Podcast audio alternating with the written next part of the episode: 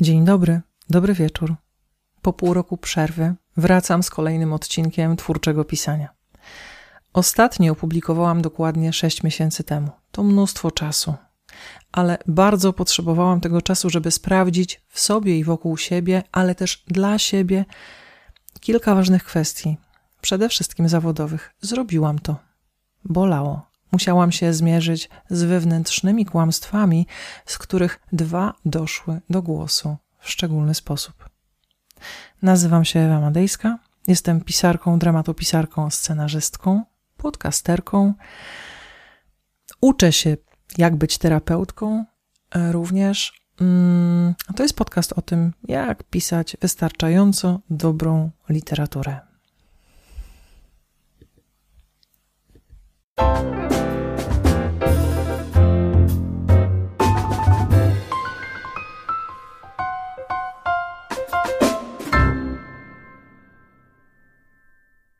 Pierwsze kłamstwo nazwałam dwa lata i do widzenia.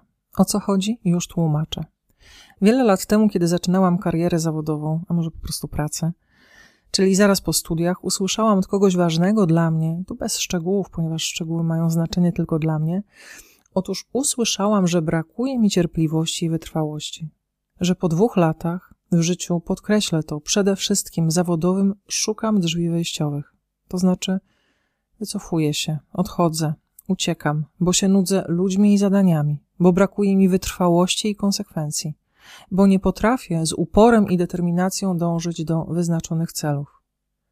I tak się jakoś układało, że w istocie w każdej pracy wytrzymywałam dwa lata. Czasem więcej, ale po dwóch latach zaliczałam epicki kryzys. Kłamstwo dwa lata i do widzenia dopadło mnie 28 kwietnia. To wtedy nagrałam ostatni odcinek. To wtedy obchodziłam swoje kolejne urodziny, mm, ale nie mogłam obejść ich z daleka. Musiałam się z nimi zmierzyć i z tymi naprawdę ważnymi dla mnie pytaniami o to, co dalej. Wrócił do mnie podcast. Po dwóch latach nagrywania podcastu pomyślałam, że może wystarczy. Przecież zawsze tak było, że po dwóch latach kończyłam rozmaite sprawy.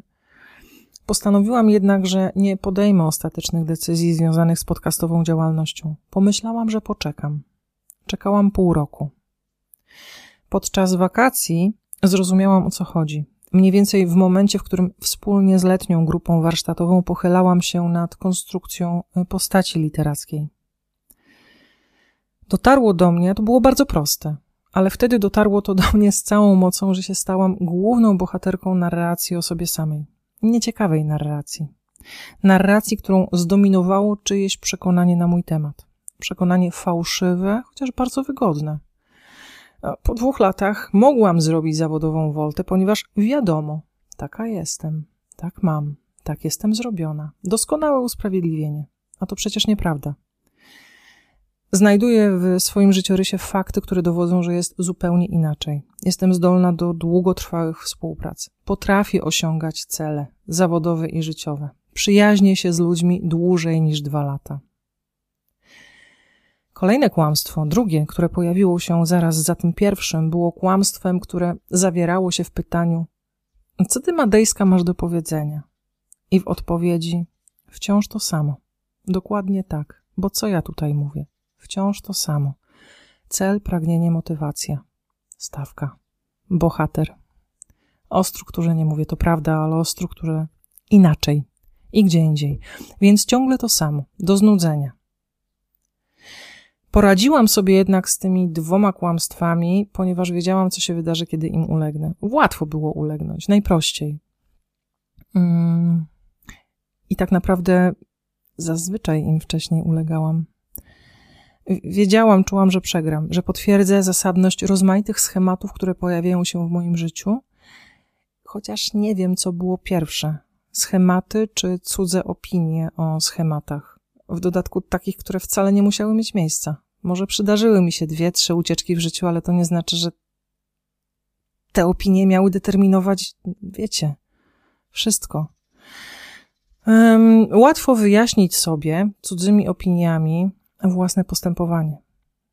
Dwa lata i do widzenia. Z podcastem również, bo to jednak działalność zawodowa, chociaż pro bono. Stałam się protagonistką a zarazem antagonistką, powtórzę, we własnej narracji. Ale w wielu dobrych narracjach na szczęście pojawia się mentor lub mentorka. I to dzięki tym razem mentorce wróciłam do pionu. Zrozumiałam, gdzie jestem i dlaczego jestem. Zmierzyłam się z autorami i autorkami przekonań na mój temat, bo to nie były moje przekonania, to nie były moje opinie na mój temat. Przekonań, w które jednak wierzyłam, a to już było moje. Przeżyłam kilka momentów kulminacyjnych, punktów zwrotnych, o dziwo strukturalnych, jak w dobrym opowiadaniu. No i dramatyczny klimaks się pojawił, i rozwiązanie, i oto nagrywam kolejny odcinek. Nie jestem pewna, czy wolna od kłamstw z przeszłości oraz ich autorów, autorek. W tym momencie tak, no ale wiecie jak jest. Kłamstwa lubią wracać.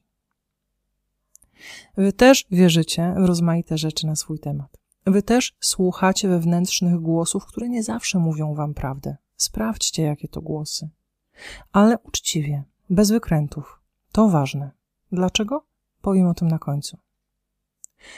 Postacie literackie, tak jak ja i wy, zmagają się z demonami, których opinie konstytuują system przekonań postaci literackich o nich samych, ale też o świecie. Co takie demony mogą im mówić? Naprawdę wszystko. Na przykład, że bohaterowie, bohaterki są słabe, słabi, dlatego pierwsza nagroda nigdy nie stanie się ich udziałem.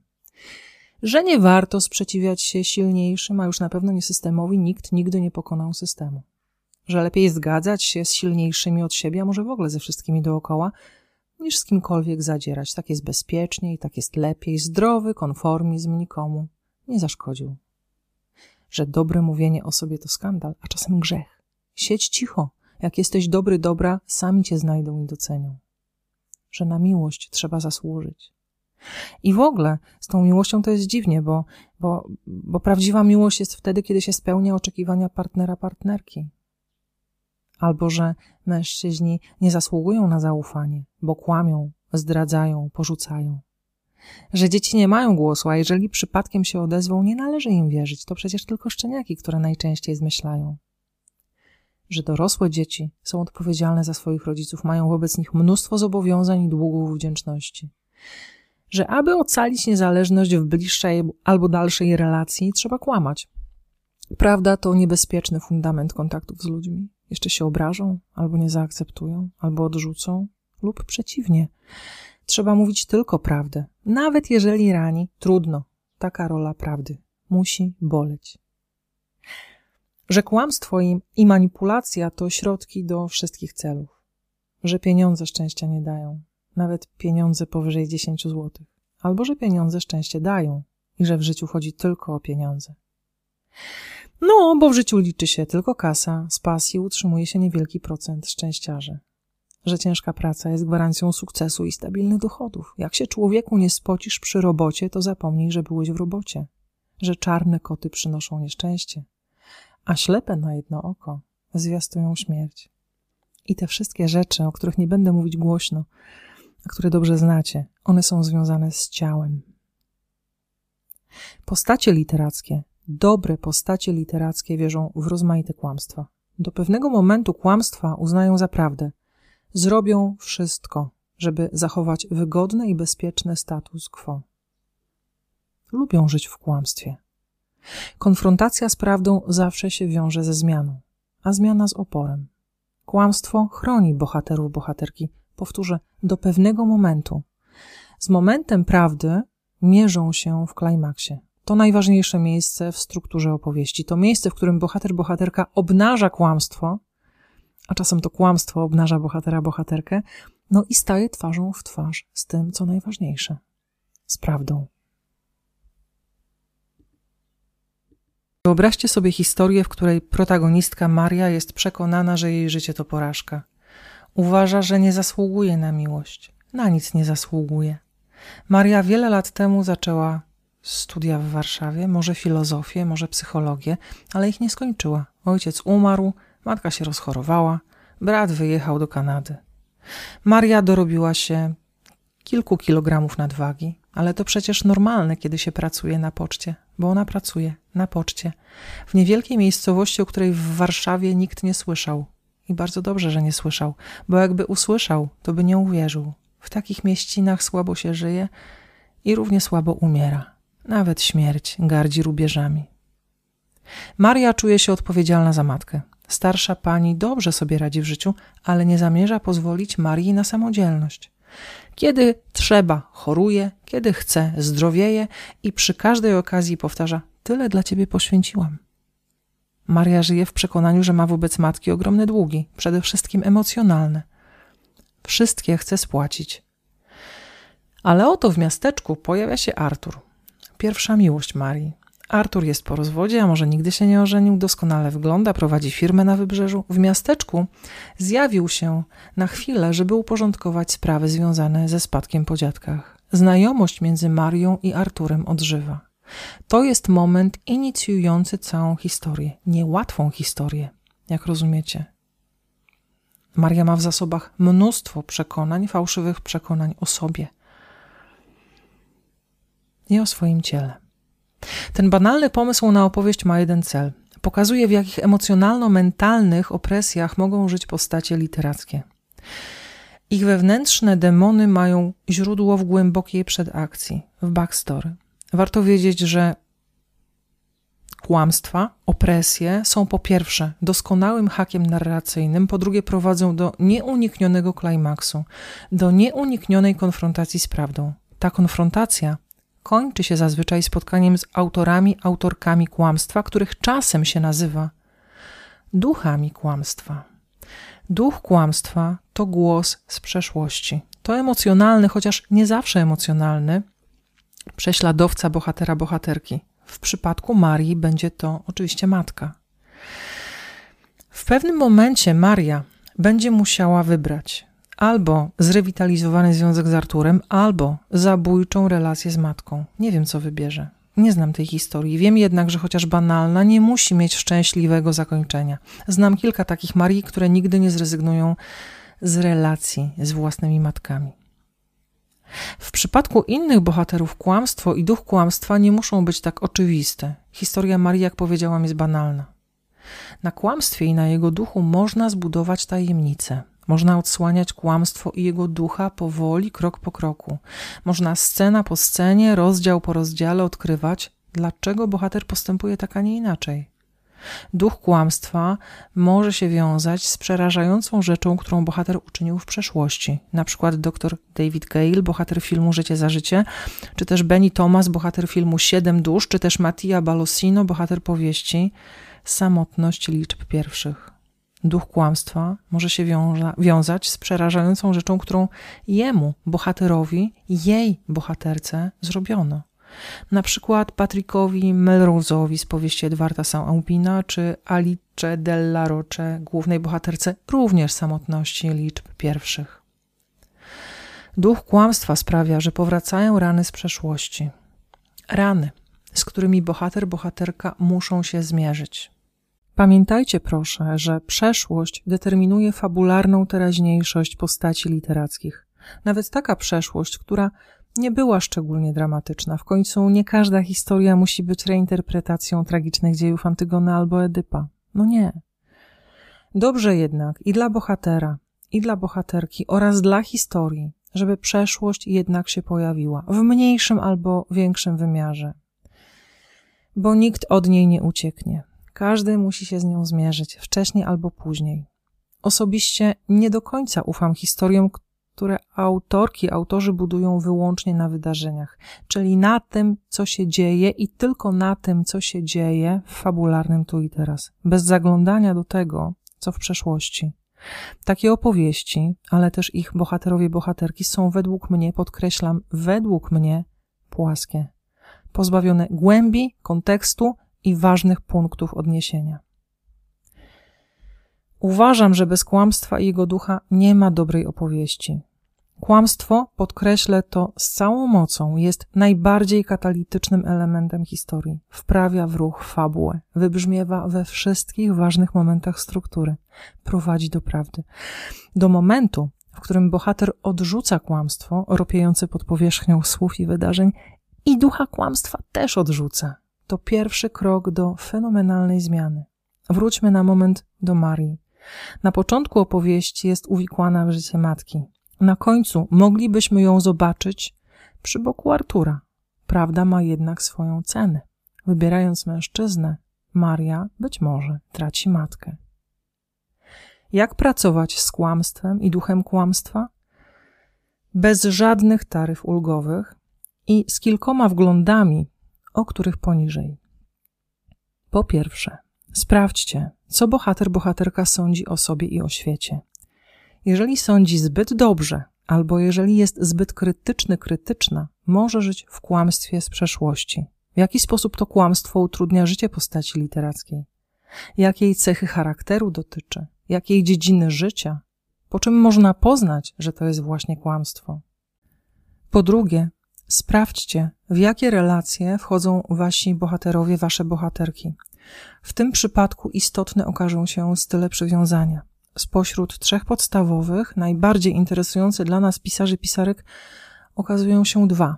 Styl unikający i styl ambiwalentno-lękowy. Bezpieczny, styl bezpieczny, pożądany w życiu w literaturze nie buduje konfliktów. W tym punkcie rozważcie wszystkie kłamstwa dotyczące związków i miłości. Przy tej okazji sprawdźcie, jak wygląda życie seksualne waszych bohaterów. Ten fragment ich aktywności jest źródłem wielu fałszywych przekonań, również o ciele. Po trzecie, sprawdźcie, co sprawia, że bohater, bohaterka czuje się nieszczęśliwy, nieszczęśliwa. Czego jej albo jemu najbardziej brakuje na poziomie mentalnym, emocjonalnym, duchowym. W tym braku znajduje się kłamstwo i jego duch często związany z przekonaniem o niezasługiwaniu na coś lub na kogoś. Po czwarte, zorientujcie się, jaki stosunek bohater, bohaterka ma do ryzyka. Czy zachowawczy, czy wręcz przeciwnie. Czy ona albo on chętnie podejmują wyzwania, czy też raczej ich unikają. To może być kłamstwo o tchórzostwie albo odwadze, lub głębiej o tym, czy chcę żyć, czy nie chcę żyć albo o tym, kto mnie widzi, a kto mnie nie widzi, kto zauważa, a kto nie zauważa. Po piąte, sprawdźcie stosunek bohatera, bohaterki do Boga i religii. W cieniu wartości można znaleźć mnóstwo ograniczających przekonań oraz ich manipulujących mhm, autorów i autorki. Po szóste, nazwijcie kłamstwo.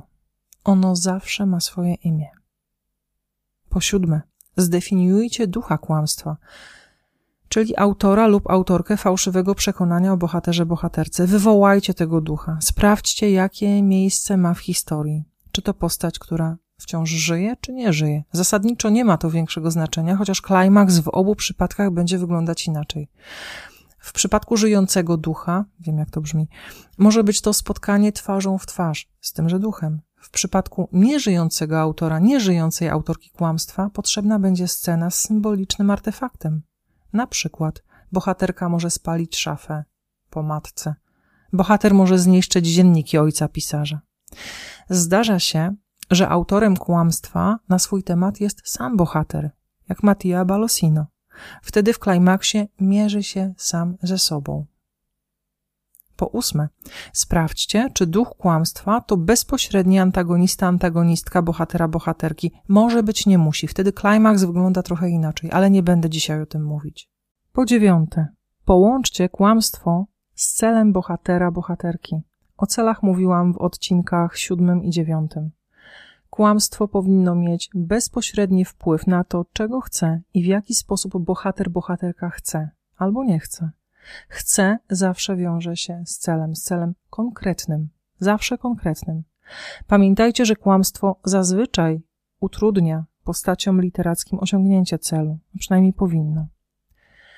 Po dziesiąte, na koniec sprawdźcie, w jaki sposób kluczowe wydarzenia związane z kłamstwem można umieścić na wykresie strukturalnym. Konstrukcja bohatera bohaterki przekłada się bezpośrednio na strukturę opowieści.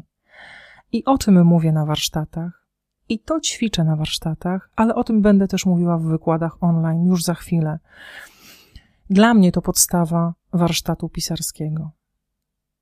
Życzę Wam powodzenia w pracy z kłamstwami i duchami kłamstw Waszych bohaterów. Powodzenie jednak warunkuje, wasza uczciwość wobec samych siebie. Powiedziałam chwilę wcześniej, że wy też mierzycie się z rozmaitymi kłamstwami na swój temat, że wy też słuchacie wewnętrznych głosów, które nie zawsze mówią prawdę. Sprawdźcie te głosy. Wszystkie nazwijcie. Wywołajcie duchy z przeszłości, duchy kłamstw. Zmierzcie się z nimi. Nie ze wszystkimi od razu, na początek wystarczy jeden. I może w obecności mentora, mentorki, przyjaciela, przyjaciółki. Jeżeli to zrobicie we własnej sprawie, dla siebie, będziecie umieli, będziecie umiały zrobić to dla waszych bohaterów i bohaterek. Bez starych ulgowych, bez litości, ale też bez sentymentalnego patosu, ze zdrowym umiarem. To wszystko na dzisiaj. Do usłyszenia za dwa albo za trzy tygodnie. Może za trzy, bo to dla mnie bardzo intensywna jesień. Zostańmy w kontakcie. Co dwa tygodnie wysyłamy, mimo intensywności e, innych zadań, do Was newsletter, który, jak się okazało, jest bardziej story letterem. Opowiadam w nim rozmaite historie też o warsztacie. Wyglądajcie wykładów online. One zmienią wszystko, co wiedzieliście, wiedziałyście o pisaniu. Naprawdę. Tymczasem serdeczności. Do widzenia, do usłyszenia. Dobranoc.